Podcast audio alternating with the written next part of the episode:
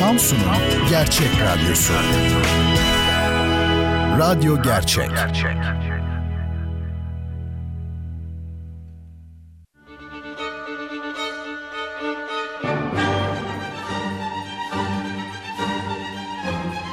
Bertan Rona ile Duyuşlar Müzik, sanat, edebiyat, dil, kültür ve hayat üzerine duymak istediğiniz her şey bu programda. Bertan Rona ile Duyuşlar her cuma 22'de Samsun'un Gerçek Radyosu'nda. Bertan Rona ile Duyuşlar başlıyor. Sevgili dinleyicilerim hepinize iyi geceler diliyorum. Bertan Rona ile Duyuşlar programına hoş geldiniz. Sefalar getirdiniz. Bir haftadan sonra birlikte izleyeceğim ama bir hafta değil iki hafta oldu tabii görüşmeyeli. Geçen hafta e, bir hayli rahatsız olduğum için aslında programı e, yapamadım e, ve ilginçtir bu rahatsızlığım devam ediyor şu an itibariyle. Böyle bir ne derler inatçı öksürük hali var. Umarım bu programı götürebilirim. Zaman zaman uzun sessizlikler olursa e, ben Deniz'in öksürmemeye çalıştığını anlarsınız. Şimdi e, sesim hiç bu kadar kıymetli olmamıştı. O yüzden çok az konuşmalıyım. Radyo programında konuk da yoksa nasıl az konuşulacak tabii. E, en azından zaruri olan kısımlar daha kısa kesilebilir. Şimdi Twitter'da ve Instagram'da Bertan Rona e, ismiyle bulunmaktayım. Oradan takip ederseniz e, programı daha rahat e, izlemiş olursunuz. Çünkü çeşitli görseller üzerine konuşuyoruz zaman zaman. E, bir kitap hediyemiz olacak.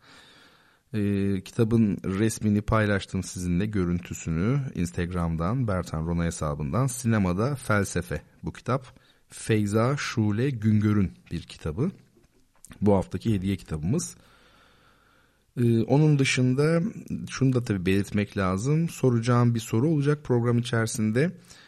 Bu sorunun cevabını Twitter üzerinden mention olarak ilk e, yanıtlayan dinleyicime bu kitabı göndereceğim. Bir de programımızın e, mütevazi bir e, elektronik posta adresi var. duyuşlar@gmail.com. Buradan da bize e, her konu için ulaşma imkanınız var. Efendim şimdi son haftalarda böyle küçük bir adet oluştu kendi kendine. E, dil meseleleri e, belki de buna bağlı kültür tarihi meseleleri üzerine konuştuk hep. E, bu akşam da öyle yapalım. E, bizim dilimizdeki Türkçedeki ay isimleri e, nereden gelmiş olabilir? Kısaca bunun üstünde duralım. E şimdi bildiğiniz gibi e, İslam e, medeniyetlerinde medeniyetinde kameri takvim var. Kamer ay demek. Kumru kelimesiyle de akraba o da ayrı bir bahis tabi. E, kameri takvim ay takvimi. E, doğrusu da aslında bu. Yani doğrusu derken bu daha e, doğru. Neden? Çünkü bakın ay diyoruz değil mi? Ay. E işte kameri takvim demek ay takvimi. Buradan da doğru olduğunu anlayabiliriz. Yani kamerin ay demek olmasından. E, fakat şöyle bir durum var. Kameri takvim tabi göçebelik zamanından kalma bir takvim. E, çünkü tarım toplumlarında kameri takvim yeterli olmaz. Ay takvimi yeterli olmaz. E, çünkü ekin, işte efendim hasat, ya da fırtınaları işte suya, e, toprağa, havaya cemre düşmesi gibi bir takım önemli tarım toplumu için önemli olguları, olayları kameri takvimde hesap etme imkanı yok. Bir de daha da önemlisi her yıl e, kameri takvim uygulayan toplumlarda tabi 11 gün geriye doğru bir kayma oluyor bildiğimiz üzere.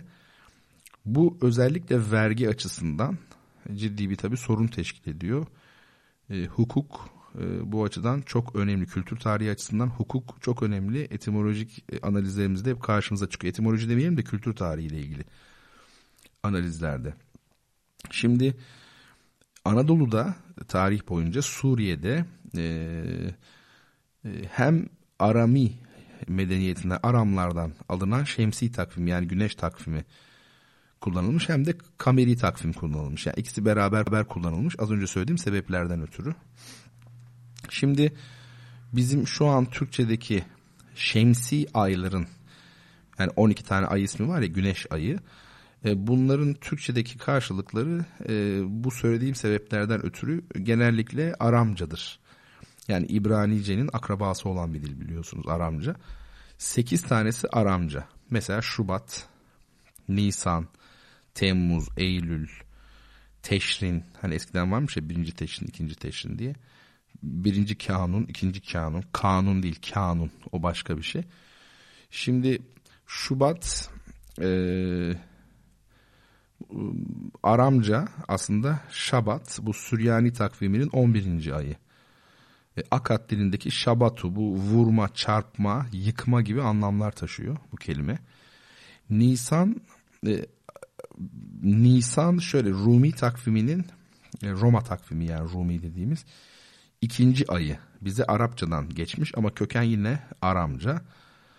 Arami Süryani takviminin de birinci ayı oluyor. E, daha dibe inecek olursak, dibe inecek olursak Akatça Nisan mı? Bu yılın ilk ayı oluyor. Rumi takvimde de öyledir ya 1 Nisan yılbaşı gibi yoksa 1 Mart mıydı? Ee, bir de taze mahsul turfanda anlamına geliyormuş. Onun da kökeninde artık nihai köken herhalde Sümerce Nisak diye bir e, kelime var.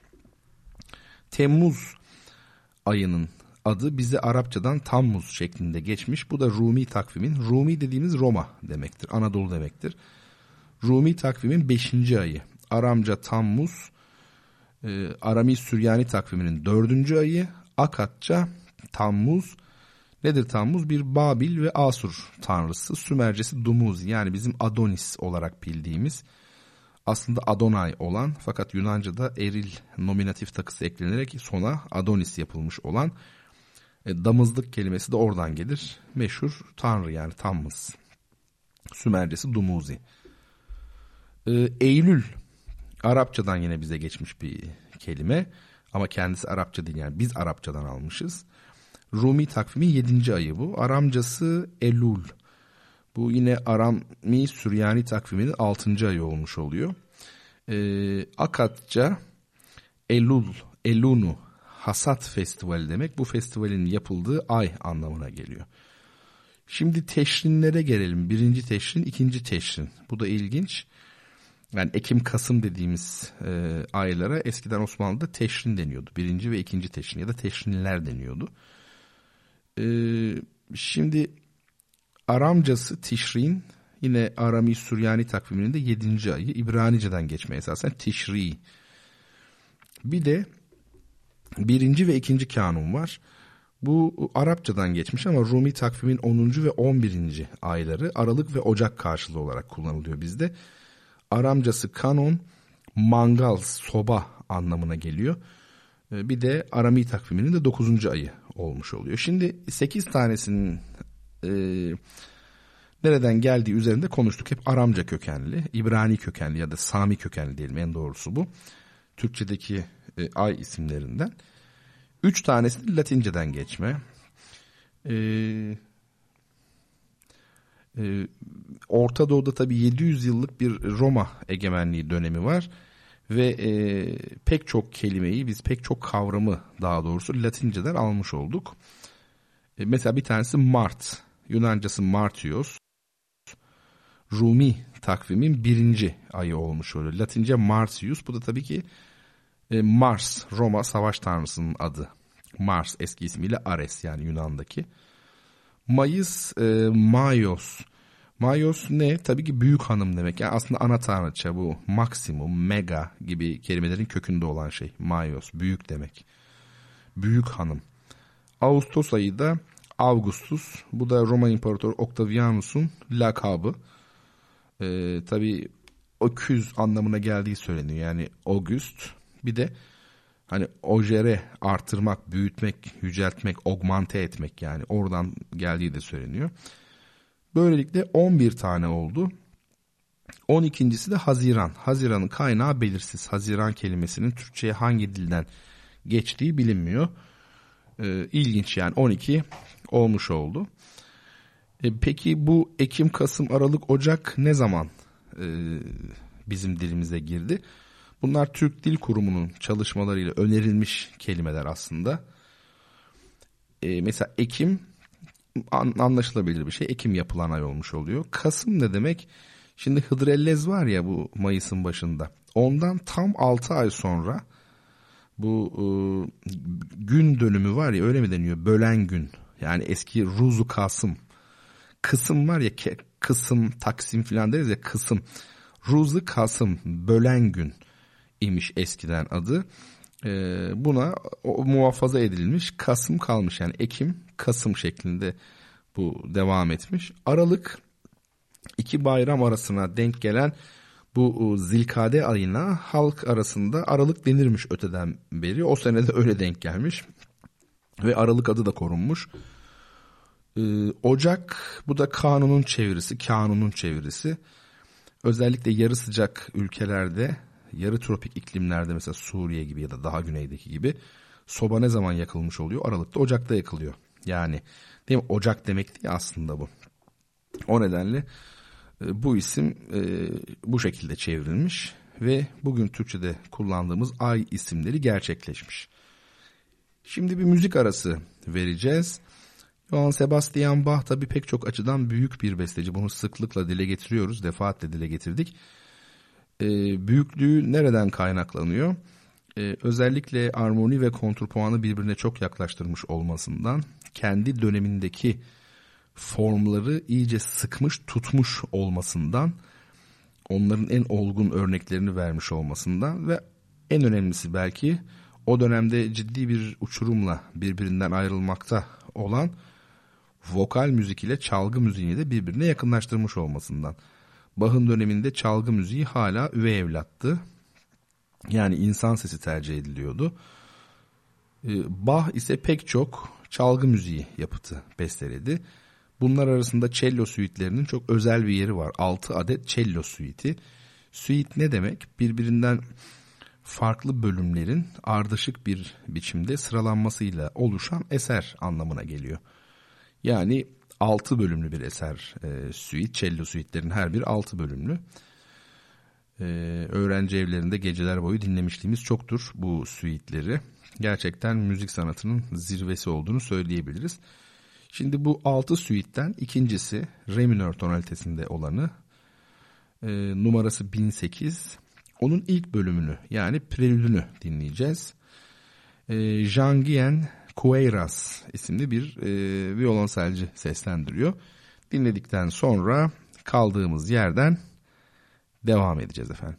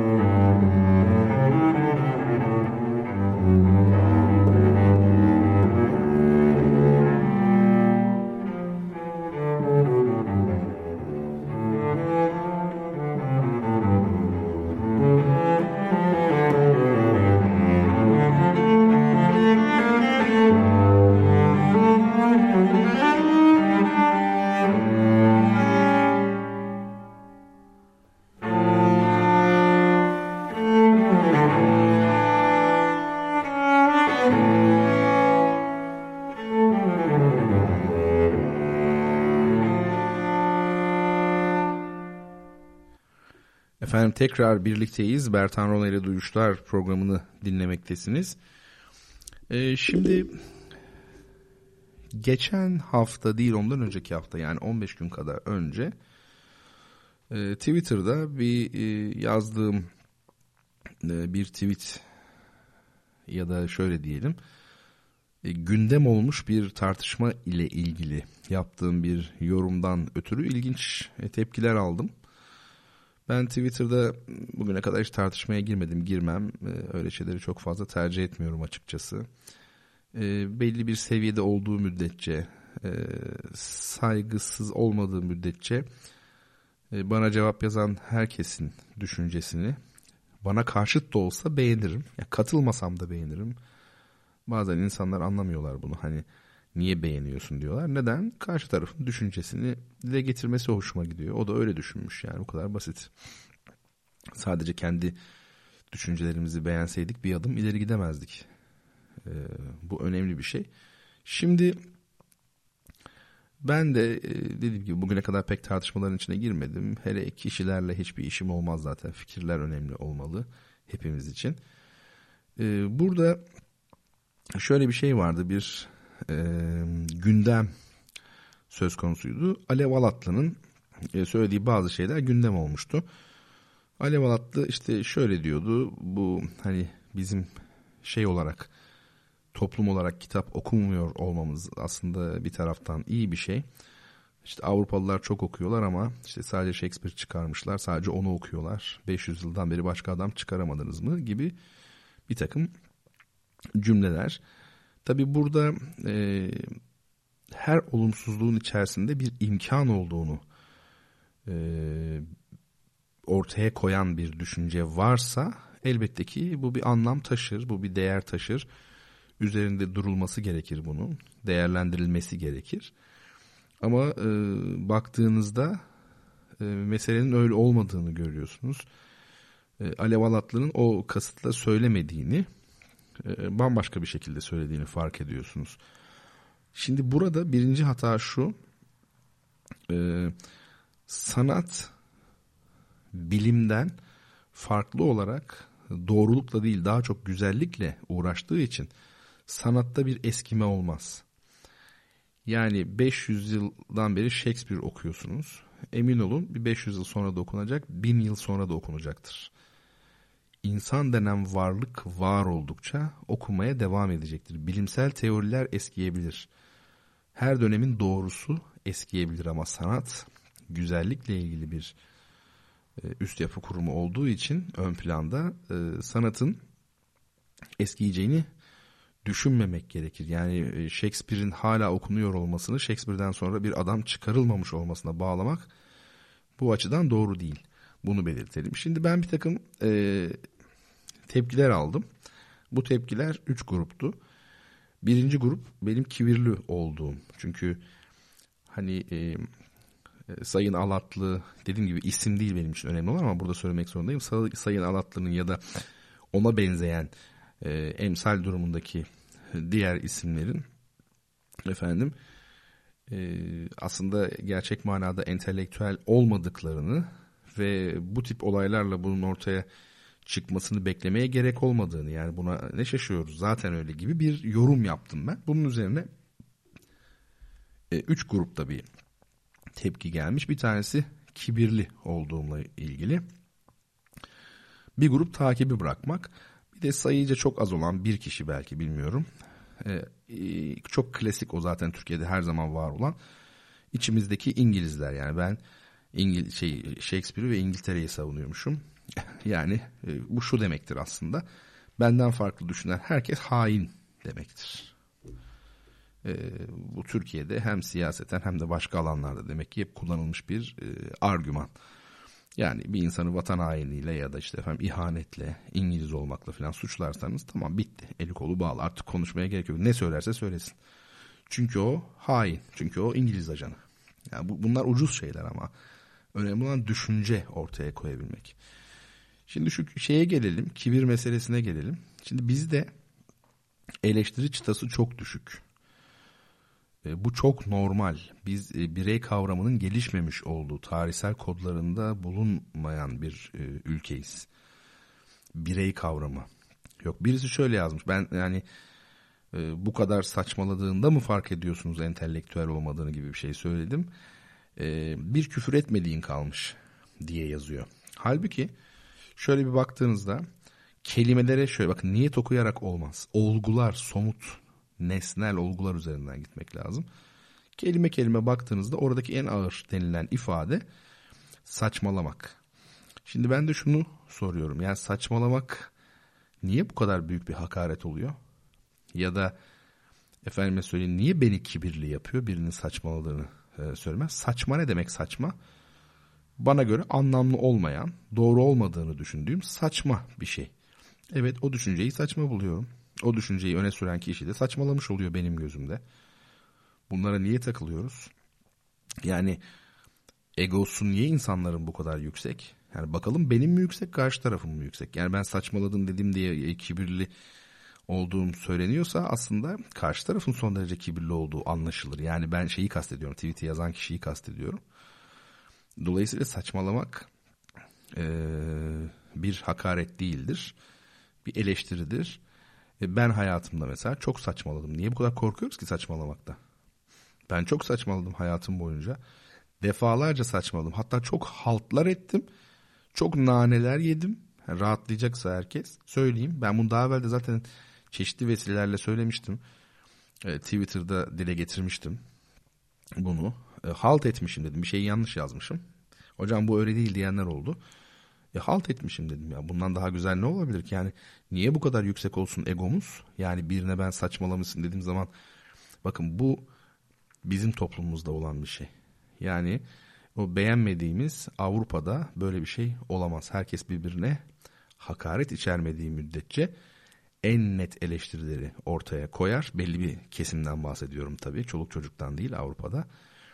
E, karşı tarafta bunu kişisel algılamaz cevaplama yoluna gider. Yani kişisellik değildir. Burada fikir önemli olan. Şöyle bir bakıyorum zaten benim yazdığıma cevaben yazılmış fikirle ilgili hiçbir şey yok. Ya işte dediğim gibi kibirliyim ya e, İngiliz denilmiş içimizdeki İngilizler bir de takipler bırakılmış. Aslında bu da yani bundan dolayı beni takibi e, bırakan e, kişilerin var olması aslında benim söylediğimin ne kadar doğru olduğunu ortaya koyuyor. Çünkü burada duygusal bir bağlanma var. Yani düşünce tamamen yerlerde. Duygusal bir bağlanma var. Bu tabi Sayın e, Alev Alatlı'nın problemi değil. Ama onun e, düşünce dünyası ve bu düşünce dünyasını kanaat önderi olarak aktardığı kitle düşünceden son derece uzak ve duygusallığa açık yani. O böyle mi söylüyor? Tamam o bizden yani bizden ve sizden gibi bir e, ayrım içinde aslında. Bu da çok çok e, yanlış yani. Düşünebiliyor musunuz? E, bir şey, eleştiride bulunuyorsunuz. İşte ben takip etmem artık seni. Neden? Yani sana hep senin duyduğun şeyleri mi söylemek zorundayım? Ya da bir başkası öyle mi olmalı sürekli? Bunlar doğru şeyler değil. Ee, dediğim gibi şahıslar önemli değil. Mesele orada bakın çok ilginç. O yazdığım tweette herkes konunun e, Alev Alatlı ile ilgili olduğunu zannediyor. Aslında konu onunla ilgili değil temelde. Ne ile ilgili? Onun altında yatan o doğuculuk, batıcılık meselesinin gizli bir tür faşizm e, sergilediğini ben dile getiriyorum. Bu çok önemli bir düşünce. Orada Adolf Hitler'in yaşam alanı kavramından bahsediyorum. Ya da doğu ile batı arasındaki bu kavramsallaştırmanın, doğu batı kavramsallaştırmasının e, ecnebilerin söylediği gibi Truvalıların Helen'i kaçırması üzerine kurulmasından bahsediyorum bir anlamda. Yani Doğulular kötü çünkü onlar Helen'i kaçırdılar. Böylelikle Doğu Batı Savaşı başladı. Batılılar sarışın mavi gözlü, Doğulular esmer siyah gözlü meselesi. İşte bununla bu Batı şöyle, Doğu böyle e, meseleler arasında bir bağ var. Ben bunu anlatmaya çalışıyorum. Dolayısıyla şey önemli. Siz söyleyin adını. Bir kere daha söyleyeyim. Birinin ağzından, bir insanın ağzından doğu, batı diye bir şey duyuyorsanız belli bir süreklilikle ve belli bir tarafa eleştirel yönde duyuyorsanız Ee, burada bir yanlışlık vardır. Karşınızdaki insan da entelektüel değildir. Bunun ne olduğunu da söyleyeceğim şimdi. Yani onu da soranlar olmuş. Sizce entelektüel nedir diye. Hani sanki ben entelektüelite çok övülecek bir şeymiş gibi e, söylemişçesine. Öyle değil tabii ki. E, şimdi dediğim gibi aslında e, benim düşüncelerime bir cevap söz konusu değil. Baktığınızda hiçbir şekilde değil. Tamamen bir e, şey var. Duygusal, duygusal tepki. Şimdi e, çok sevdiğim bir dinleyicim. Şahsen tanışmıyoruz ama kendisinin kim olduğunu hiçbir şeyini bilmiyorum ama hep programımı dinler, beni takip eder. O da hayal kırıklığına uğradığını belirtmiş. Şimdi bu aslında çok iyi bir şey. Hayal kırıklığına uğramak çok iyi. E, gerçek irfan e, hayal kırıklığıyla başlar. Onu söyleyeyim. Şaşırmakla, kaybetmekle başlar. Rüyaların gerçekleşmesi için uykudan uyanmak gerekir diyor Muhammed Ali. Biliyorsunuz değil mi? Çok güzel bir söz. E, hayal kırıklığı iyidir çünkü size sizin istediğiniz değil doğruları yani siz istemeseniz bile doğruları söyleyenler aslında sizin yararınıza olan kişiler. Ben de Alev Alatlı gibi ya da başkaları gibi saatlerce belli bir kesimin hoşuna gidecek, onları adeta sarhoş edecek e, konuşmalar yapabilirim. Hatta emin olun yani her hafta bir kitap yazarım öyle. Çok samimi söylüyorum. Ama mesele o değil ki. Doğru mu söylediğim şeyler? Hayır yanlış. Yani her anlamda iktidarlara yakın olmak, sadece Türkiye'de değil bütün dünyada yakın olduğunuz zaman bir süre sonra belli bir kitleniz olur ve siz e, yazdığınızda onların mutlu olduğunu görürsünüz. Kötü niyetle demiyorum ama bu bir çeşit sarhoşluktur. Kanaat önderi için söylüyorum ve gittikçe daha fazla doz vermiş olursunuz karşı taraf. Siz de aslında o dozu alırsınız. Gittikçe böyle daha çok mutlu olursunuz. Hep beraber bir histeri halidir bu. Ama aslında gerçeklerden kopmuşsunuzdur. Bu özellikle tarihte gerçeklikle hiçbir ilgisi kalmamış olan e, mesela 2. Dünya Savaşı'ndaki Nazi yönetimi gibi yönetimlerde görülür. Şaka yapmıyorum. Çünkü bir e, mitos, bir mitoloji yaratılır. Ari ırk üstündür. E, dünyadaki herkes ona karşı birleşmiştir. Den başlayarak ama bunun nesnel gerçekte bir ilgisi yoktur e, aslına bakarsanız Osmanlı da böyle değildi. Yani bugünkü bizim kafamızdaki yani Osmanlı tasavvurunu gerçek Osmanlılar duysalardı şoke olurlardı. Osmanlı son derece işlevsel düşünen, dünyaya açık, yer yer pragmatist e, bir e, düşünce yapısı ortaya koymuş. Öyle olmasa zaten o kadar uzun süre e, ayakta kalacak dev gibi bir imparatorluk kuramazlardı herhalde. Şimdi dediğim gibi hayal kırıklığı çok önemlidir. E, çok sevindim sevgili dinleyicimin. Umarım beni dinliyordur şu an. E, hayal kırıklığı yaşamasına çok çok sevindim. Dediğim gibi e, size istediğiniz değil istemediğinizi söyleyenler aslında sizin yararınızadır. Mesela işte Osmanlı Avrupa'yı fethetti. Bunu da yazdım daha önce. İşte iman gücüyle fethetti falan. O mesela bu düşünce bizi çok mutlu edebilir. Harika tamam. Ama dikkat edin size bunu söyleyen yani hoşunuza giden bir şeyi söyleyen kişi aslında şunu söylemiş oluyor bir taraftan da. Yani Osmanlı imanıyla fethetti. Peki ne ile kaybetti? İmansızlığıyla mı kaybetti? Yani imanla fethediliyorsa imansızlıkla kaybedilir.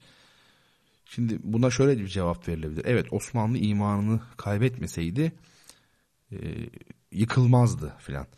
E peki o zaman imanını niye 1500'lerden sonra kaybetti? diye sorarlar adama. O yüzden daha önce de belirttim diyorum ki e, şey yapmamak gerekir. Neden sorusunu esirgememek gerekir. İster Alev Alatlı olsun, ister başka bir kişi olsun. Bugüne kadar hiç isim vermedim. Sadece bu e, konunun öznesi Alev Hanım olduğu için söylüyorum.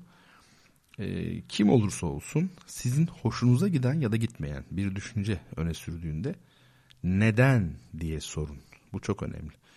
Evet işte imanını yitirdiği için kaybetti. Evet ben de onu diyorum zaten. E siz onu diyorsunuz da niye o zaman e, bu adamların imanı 14. yüzyılda yani 1300'lerde artışa geçti de 1600'lerden itibaren imanlarını kaybettiler. Böyle saçmalık olmaz. Olayların nedenleri olayların içindedir. ve e, tarih ancak kendisiyle açıklanır. O zaman e, bir anlamsızlık, bir e, saçmalık yığınıyla karşı karşıya kalırsınız. Şimdi ben e, entelektüel kimdir o zaman söyleyin de öğrenelim e, denilmişti. E, ben entelektüel olduğumu hiç söylemedim. Entelektüellik dava etmiyorum. Öyle bir şeyim yok. Uzun yıllar da sevmedim zaten entelektüelleri de sevmedim. Hayatın içinde olmak daha önemli geldi bana yani. Daha gerçek olmak daha önemli geldi. Ama şimdi daha farklı düşünüyorum. Yani kafa emeği ile kol emeği arasındaki ayrımın ortadan kalktığı bir toplum olursa gerçek entelektüel orada çıkacaktır. Bugünün dünyasında gerçek entelektüel nerededir? Ee, aslında biliyorum ama belli nedenlerden ötürü şimdi onu söylemeyeyim. Fakat entelektüel olmayanlar nerededir?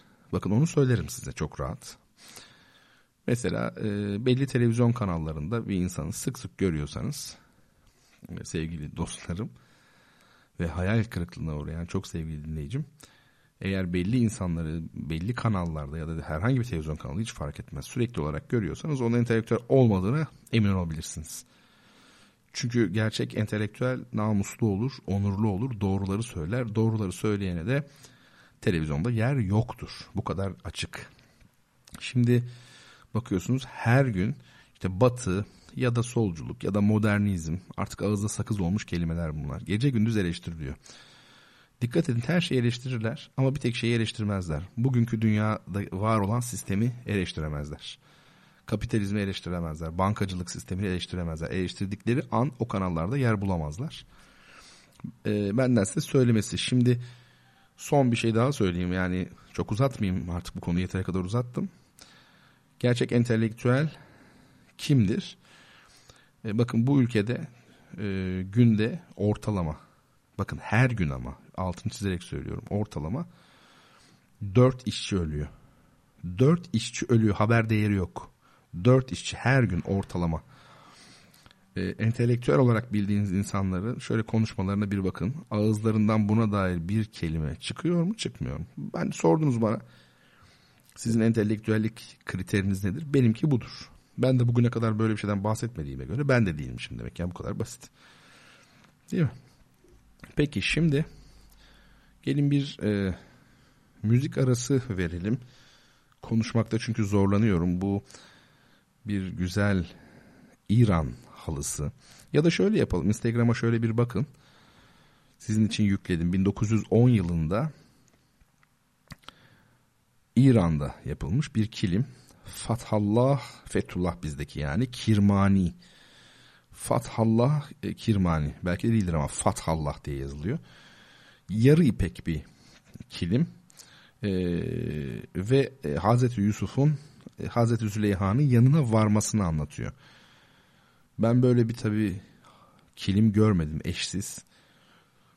Doğu'nun bütünsel dünya imgesi kozmik ve kapalı alem tasavvuru çok net bir şekilde görülüyor. Bahçe kavramı çok net bir şekilde görülüyor. Ve tabi Züleyha öyküsünde genellikle Hazreti Züleyha'nın aşağılandığı söylenir hep. Ben buna e, katılmadım hiçbir zaman. Eğer öyle olsaydı her aşkta hani erkekler aşık olur ya erkeklerin de aşağılanıyor olması lazımdı. Oysa ki aşk insanı aş, e, yüceltir bence. E, aşağılatmaz yani. Şimdi e, burada şu var yani e, Züleyha e, kıssasında Yusuf ile Züleyha kıssasında Züleyha aşağılanıyor diyenler e, aşık olmayı bir kere zafiyet zannediyorlar. Öyle değil. E, Hazreti Züleyha döneminde de öyle kabul edilmiyordu onu söyleyelim. Mecnun için neden aşağılanmış demiyoruz hiç. Demek ki burada başka bir mesele var. O da şu. Bu kıssanın yani Züleyha Yusuf kıssasının en önemli yönü ve bence asıl meselesi kadının özne olması. Kadın özne. Yani biz Züleyha kıssasında isteyen, arzu eden bir kadın görüyoruz ve bunu dışa vuran bir kadın görüyoruz. İşte çarpıcı olan kısım bu. Aşk tabi her ne kadar tutulmak anlamına gelse de yani edilgin ise de istemek etkin bir fiil olmuş oluyor. Onu söyleyelim. Instagram'dan bu güzelim kilime bakabilirsiniz. Şimdi bir müzik arası vereceğiz. Önce soru, sonra müzik arası. Ee, bu müzik için bu bir halk müziği, Anadolu kökenli bir e, halk müziği. Anadolu irfanını, her türlü sözün gerçek anlamda manasını yitirdiği noktayı bu güzel deyişte görebiliriz. Sözlerine şöyle bir dikkat edin derim olağanüstüdür. Ve e, size kitap e, hediyemizi vereceğimiz soruyu da artık yavaş yavaş soralım. Kitabımız neydi? Sinemada Felsefe Feyza Şule Güngör'ün bir kitabı. Uzun bir soru soracağım. Cevabı kısa tabii ki. Soru şöyle. Bana 1885 yılında Varna'da doğmuş birini söyleyin. İsviçre'de filan e, hukuk okuyacak biri ama. Ve bu kişi Birinci Dünya Savaşı yıllarında Mustafa Kemal ile yakın arkadaşlık kuracak. Cumhuriyetin kurulmasından sonra Türk savunma sanayinin ilk özel fabrikasını kuracak. Bu fabrika Türk ordusu için pek çok bomba, patlayıcı ve mühimmat ürettiği gibi bu ürettiklerini Yunanistan ve Polonya'ya da satacak. Ancak İkinci Dünya Savaşı sonrasında ülkemize yapılan Marshall yardımlarından sonra bu fabrika kapanmak zorunda kalacak. Ve Mareşal Fevzi Çakmağ'ın da yakın akrabası olan bu zat 1966 yılında vefat edecek. Efendim bu kişi kimdir? Bunu soruyorum. Ve çok değerli aşığımız Dertli Divani'nin Serçeşme'nin Gözü isimli çok güzel değişini Arif Sağ'ın yorumuyla dinliyoruz. Aradan sonra devam edeceğiz sevgili dinleyicilerim. Música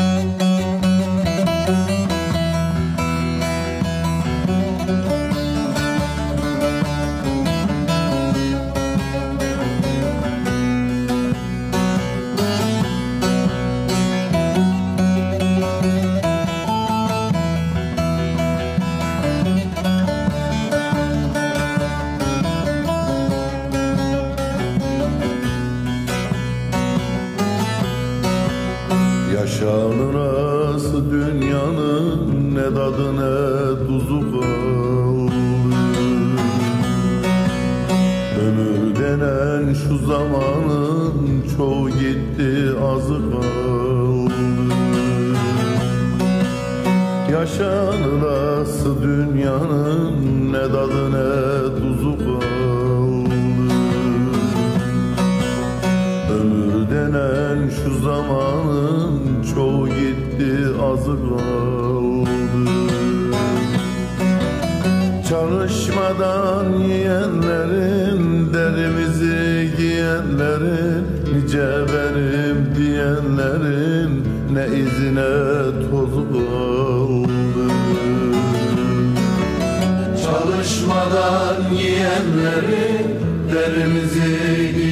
Yoldaşlar ne sözüne özü kaldı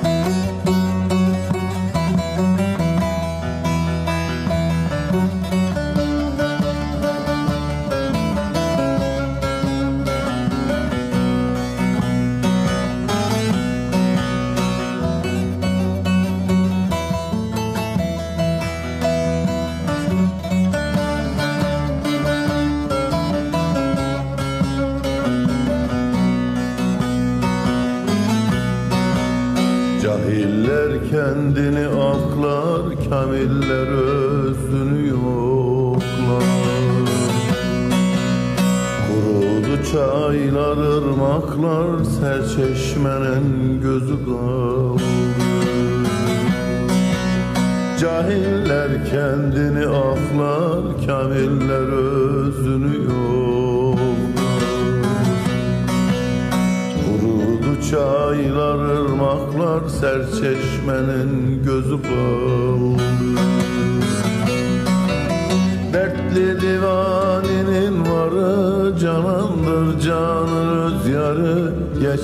devrin baharı Ne yazı ne güzü kaldı Dertli divaninin varı Canandır canın öz yarı Geçti bu devrin baharı Ne yazı ne güzü kaldı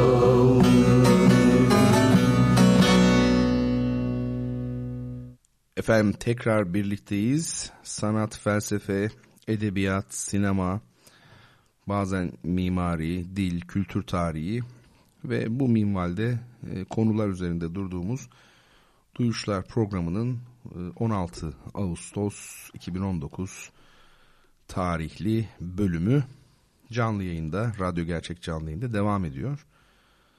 E, hasta olan Bertan Rona yani programı sizler için hazırlayıp sunmaya çalışan Bertan Rona bu gece gerçekten sunmaya çalışıyor. Bakalım götürebildiğimiz yere kadar gideceğiz tabii. Sevgili Ezel adı güzel demiş ki hocam sizi yeniden dinleyebilecek günlere eriştim. Çok mutluyum. Kocaman bir merhaba. Merhabalar sevgili Ezel. Askerde miydin bir rahatsızlık mı geçirdin bilmiyorum tabii ama bunlar özel sende olan şeyler. Senin kocaman merhabana ben de merhaba diyorum. Hoş geldin. Safalar getirdin. Ve yine Ezel sormuş hocam. E, Jules Caesar'ın Julie yani Temmuz, July adına ve Ağustos, Ağustos'un da Ağustos adına türetilmesi doğru mudur? Doğrudur efendim. El cevap. Öyle bir şey var ya el cevap doğrudur. Yani Ağustos kesin e, şeyde Julie de muhtemelen Jules Caesar'la ilgilidir. Ağustos kesin. Çok özür dilerim. Sevgili dinleyicim e, Huzur demiş ki doğrunun mihenk taşı nedir? Neye göre doğru? Kime göre doğru? Aslında ben bu az önce yaptığım konuşmada doğrunun e, ölçütünü, kriterini ortaya koymuş oldum. Bakın bu soruya çok net bir cümlelik kısa açık bir cevap vereyim. Doğrunun kriteri yani bir şeyin doğru olup olmadığını ölçtüğü pratiktir. Ne demek bu? Ee, az önce dedim yani iman gücüyle fetih yapılmaz. Yani fetih yapılmaz derken inanç çok önemlidir. İnancınızın etkisi vardır ama bir imparatorluğun gelişmesini buna bağlayamazsınız. Burada biz ne yaptık? Ölçüt olarak pratiği koyduk. Çünkü o şekilde kabul etsek bu defa toprak kaybederken imanının zayıflaması lazım mantık olarak. Bakın ne oldu? Bu düşüncenin doğru olmadığını biz nereden anladık? Ee, sevgili huzur. Şundan anladık. Çünkü pratik yani nesnel gerçek, dışarıdaki deney, hakikat, tarih, yaşanmışlık buna izin vermedi, bunu kaldırmadı. Bir hesap yaparsınız mesela, o hesaba göre uçak yaparsınız ya da bir bina yaparsınız. Uçak havada uçtuğu müddetçe, bina dikili durduğu müddetçe o hesap doğru demektir. Yani doğruluğun kriteri, ölçütü kesinlikle pratiktir. Pratik doğruluyor mu, doğrulamıyor mu? Mesela işçiler ölüyor diyelim. Büyük kazalar oluyor filan. Bu kaderdir. Tamam yani imani noktada kaderdir tabii ki ona bir şey denilmez. Yani inanç meselesi bu çünkü. Fakat ayaklarımızı gerçek dünyaya basacak olursak mesela Danimarka'da niye ölmüyor işçiler? Yani onların kaderi niye o şekilde cereyan etmiş oluyor? Ya da mesela erkek kadına üstündür, güçlüdür dedik. Bakın bu da bir düşünce değil mi? Peki doğru mu değil mi? Hemen ne yapacağız yine? Pratiğe vuracağız bunu. İşte sorunun güzel cevabı da bu zaten. Pratik, pratik, pratik. Doğrunun mihenk taşı budur. Bakalım tarihte köleci toplumdan önce binlerce yıl belki de hani yaklaşık 3000 yıllık şu ana kadar 4000 yıllık insanlık tarihini 5000 yıllık tarihin öncesinde biz kadın egemen bir toplum görüyoruz. Ne oldu? Bizim bu erkek egemen, erkek üstündür teorisi bir anda çökmüş oldu. Örnek veriyorum yani hangi cümleyle karşılaşırsanız karşılaşın, daha doğrusu önermeyle karşılaşırsanız karşılaşın, doğru mu değil mi diye pratiğe vurun. Çok basit. Shakespeare'den sonra hiç mi adam yetiştiremediniz? Ya ben bir listesini yaparım. Shakespeare'den sonra İngilizlerin yetiştirdiği yazarların artık yani Jack London mı ya kimi dersiniz ya başınız döner başınız. Böyle şey olur mu? Ha ama Shakespeare'den sonra doğru düzgün bir yazar hiç yoktur. O zaman dersin ki konuşmacı burada doğru söylüyor. Yani dolayısıyla pratik her şeyden önce belirleyici olan şeydir. Bunu unutmamak gerekir. Çünkü bilgi pratikten kopamaz. Koparsa bilgi olmaz. Şimdi doğru cevap Kemal Bey vermiş. Kemal Çiftçi. Şakir Zümre. Acaba Vecihi Hürkuş diyecek olan çıkar mı? Diye baktım çıkmadı. Kemal Bey, Kemal Çiftçi Bey kitabı kazanmış oldu. Rabia Hanım da yani hemen arkasında ama yani ipi beraber göğüslediler aslında. Kıl payı Kemal Bey önde. Rabia Hanım Salih Zeki Bey demiş. Ama zaten cevap Şakir Zümre olduğu için onu doğru kabul edemiyoruz. Sevgili Ezel Şakir Zümre demiş. O da doğru. Evet Rabia Hanım yukarıda düzeltmiş. Şakir Zümre diyerek kitabımız e, Kemal Çiftçi Bey'e gitmiş oldu. Efendim şimdi ben bir şey ne derler adına Twitter'dan gittik madem e, bu akşam şimdi geçen haftalarda işte iki hafta önce bir de bu sinema meselesiyle ilgili küçük bir anket yapayım dedim Twitter'da. Arada bir de retweetledim ki örneklem güçlü olsun. Yani şöyle bir 2000, 3000, 4000, 5000 kişi şey yapsın en az. Katılsın ki gerçek eğilimi yansıtsın. Neydi o anket? İşte efendim sizce hangisi daha büyük yönetmendir? Nuri Bilge Ceylan, Yılmaz Güney, Metin Erksan ve Ömer Kavur vardı. Nuri Bilge Ceylan çıktı. Daha evvel de ben bu anketi yapmıştım aslında aynısını. Yine Nuri Bilge Ceylan çıkmıştı doğal olarak. Şimdi pek çok insanın onu beğenmesi normal. Ben de çok beğeniyorum. Çok büyük bir yönetmen olduğu kesin. Bunun aksini iddia etmek yani çok anlamsız olur. Çok büyük bir yönetmen. Sinema için doğmuş biri olduğu kesin. Ee, tabii ankette sadece dört isimle sınırlı kaldık. Oysa mesela Zeki Demir Kubuz bence olağanüstü bir sanatçı. Bir büyük bir rejisör, çok büyük bir yönetmen. Zeki Demir Kubuz'a da yer verebilirdim mesela. Ömer Kavur, e, Ömer Kavur'a reva görülen beni üzüyor. Ömer Kavur hep son sırada çıkıyor ve Türk sinemasında Ömer Kavur'a yönelik inanılmaz bir sessizlik var. Yani bu çok düşündürücü. Türk sinemasının en büyük yönetmenlerinden biri. Yani çok çok olağanüstü filmler çekmiş. Mesela Gizli Yüz, Akrebin Yolculuğu. Bunlar Türk sinemasında eşi benzeri olmayan filmler gerçekten. Kendi dili olan büyük bir yönetmen. Yani çıldırtacak kadar iyi e, sahneleri var Ömer Kavur'un. E, fakat nedense hep görmezden geliniyor. Yani çok sınırlı bir çevre Ömer Kavur'u tanıyor, biliyor. Bu açıdan kötü. Şimdi niye bu anketi mevzu bahis? Ben kendi görüşümü beyan etmemiştim çünkü. Benim görüşüme göre Türk sinemasının gelmiş geçmiş en büyük yönetmeni Yılmaz Güney'dir. Bunun da sebepleri var. Ee, hani e, Nuri Bilge Ceylan'ın bir iki filmiyle artık onu çok çok aştığı yani Yılmaz Güney'i çok aştığı şeklinde bazı düşünceler var. Şimdi e, Nuri Bilge Ceylan sinemasına baktığımızda bildiğiniz üzere özellikle ilk filmlerinde bir yavaşlık var ve görüntü hakimiyeti var. Ee, ve ciddi bir Tarkovski etkisi var. Ama Tarkovski'nin e, yavaş filmler çektiği e, yer Avrupa'ydı. Yani yaklaşık 200 yıldır sanayi toplumunu, makinalaşmayı ve aşırı hızlı bir endüstriyi yaşamış olan ve artık bundan ciddi manada rahatsızlık duyup yavaşlığı özleyen bir toplumda Tarkovski o filmleri çekti. Bizim gibi yani Türkiye gibi daha tam e, sanayileşememiş yani ciddi oranda feodal bir toplumda yavaşlık ya da bir e, bozkır odaklanması e, ne derece bir anlam ifade eder? Bir kere baştan bu tartışılır. Benim yönetmen arkadaşlarım var. Bir iki tane çok ciddi yönetmen arkadaşlarım. Onlarla konuştuğumuzda geçmişte ben Nuri Bilge Ceylan'ın sinemasını çok sevdiğimi söylemiştim. Çok övmüştüm aşırı derecede. Onlar bana demişlerdi ki o zaman ya Bertan sen böyle diyorsun ama o daha çok görüntü yönetmeni gibi demişlerdi. Yani sinema yönetmenliği bu değil.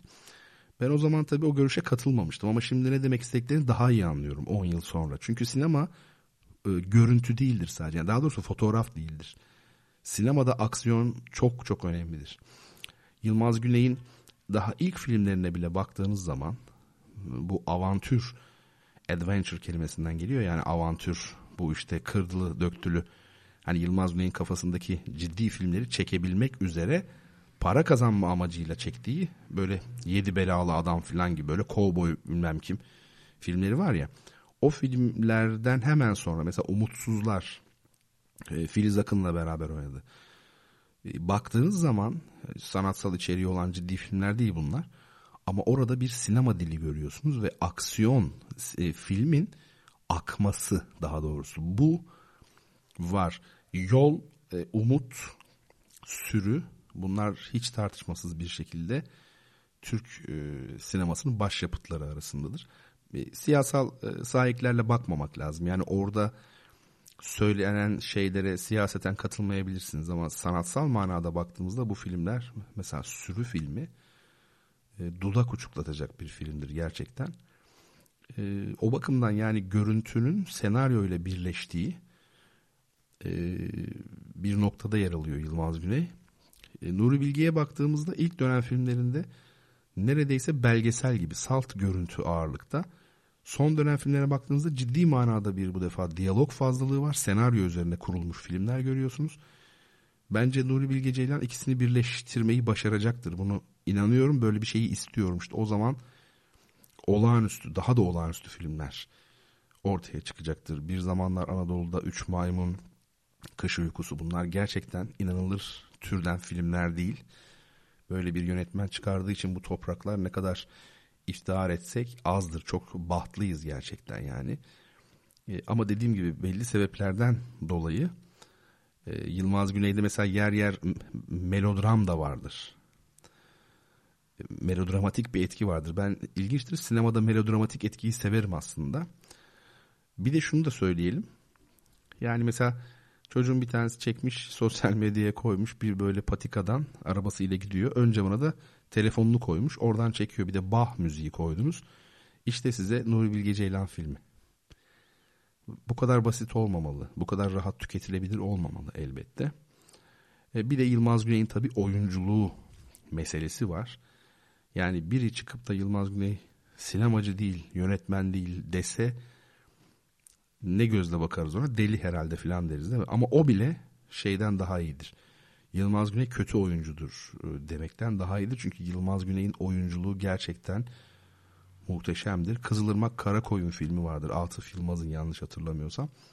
Orada Yılmaz Güney'in tek bir bastonla, değneğiyle daha doğrusu sergilediği figürleri şöyle bir izleyin derim. Çok büyük oyuncu gerçekten. Şimdi ya ilk 10 film arasında Türk sinemasının ilk 10 film arasında mesela e, şey mutlaka vardır.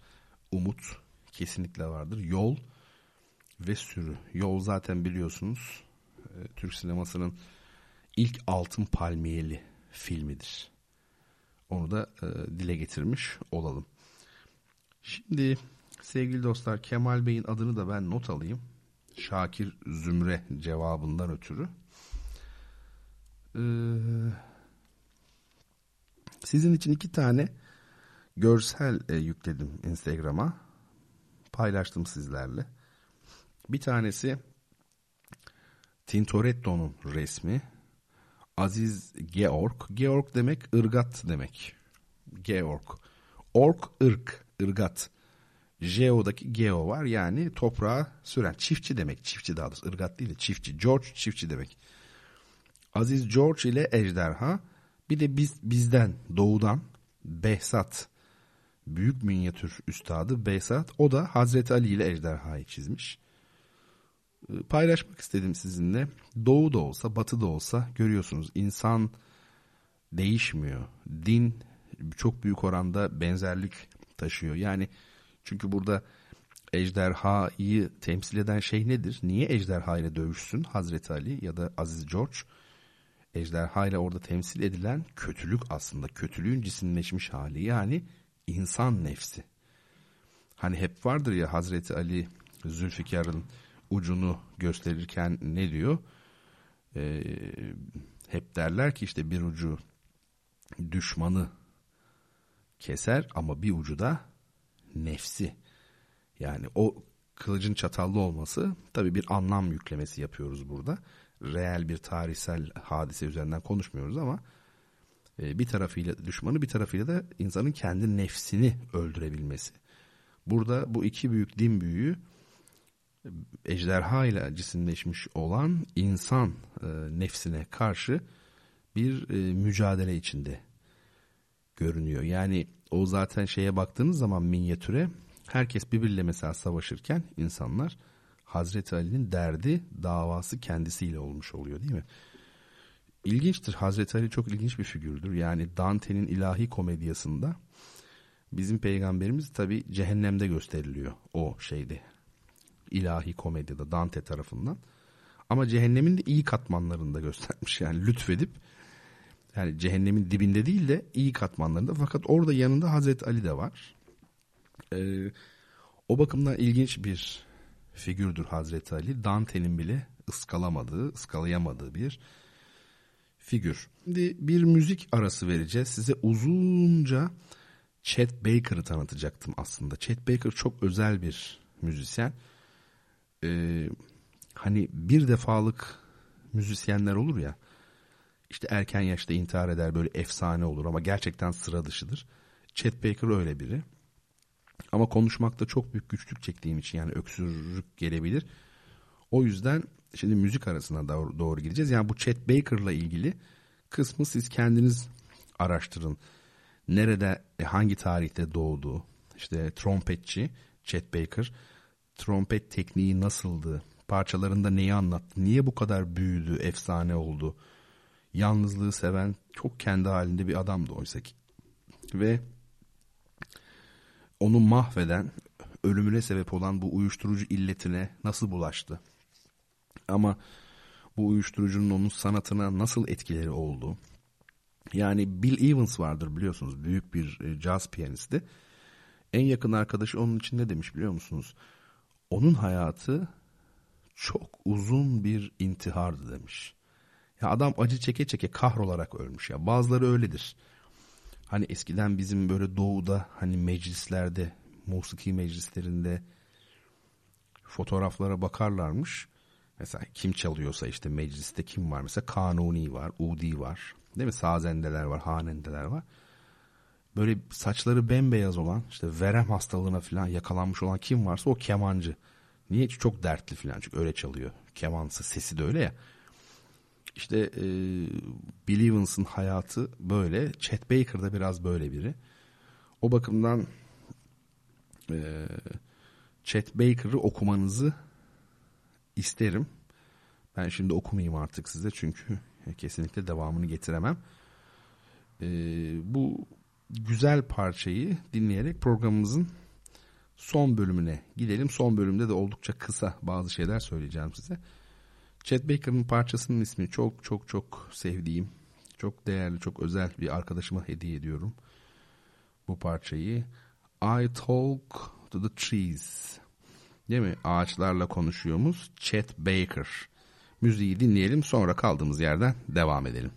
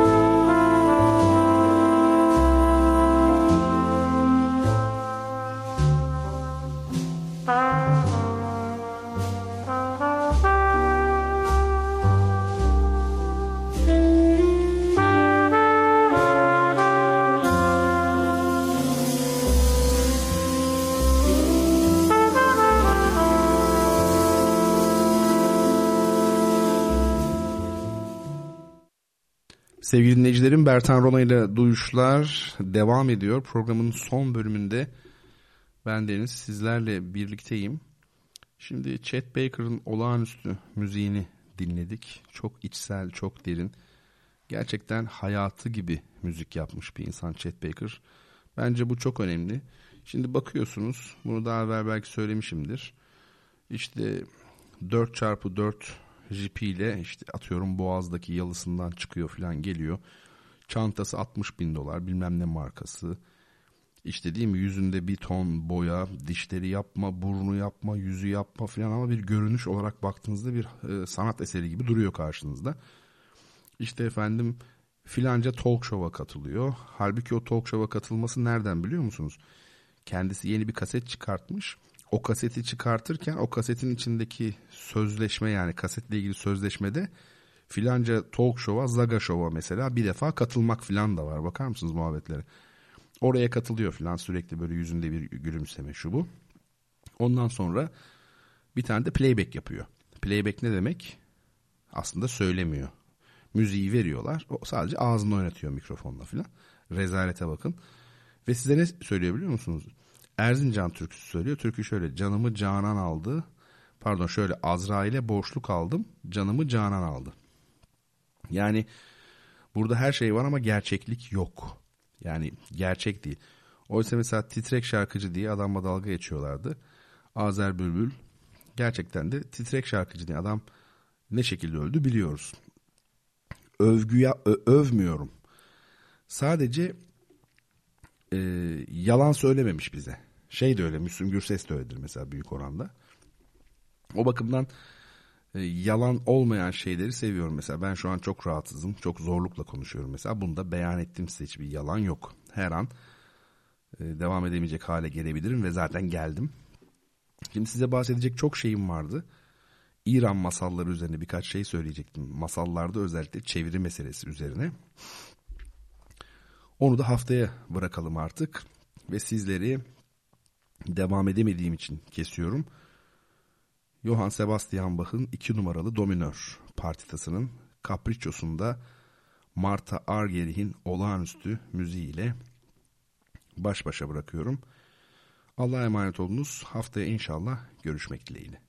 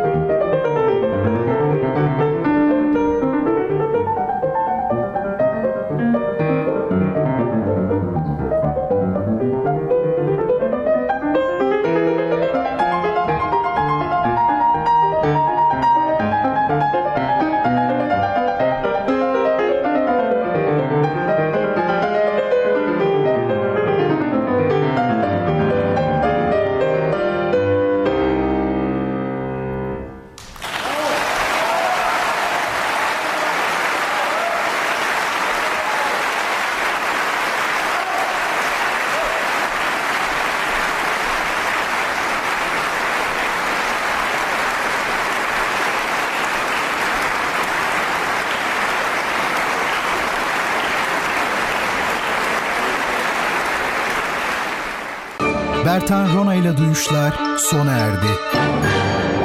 Bu program hakkındaki düşüncelerinizi dinleyen et radyogercek.com adresine mail atarak bize ulaştırabilirsiniz. Dinlemiş olduğunuz programda ürün yerleştirme yapılmıştır.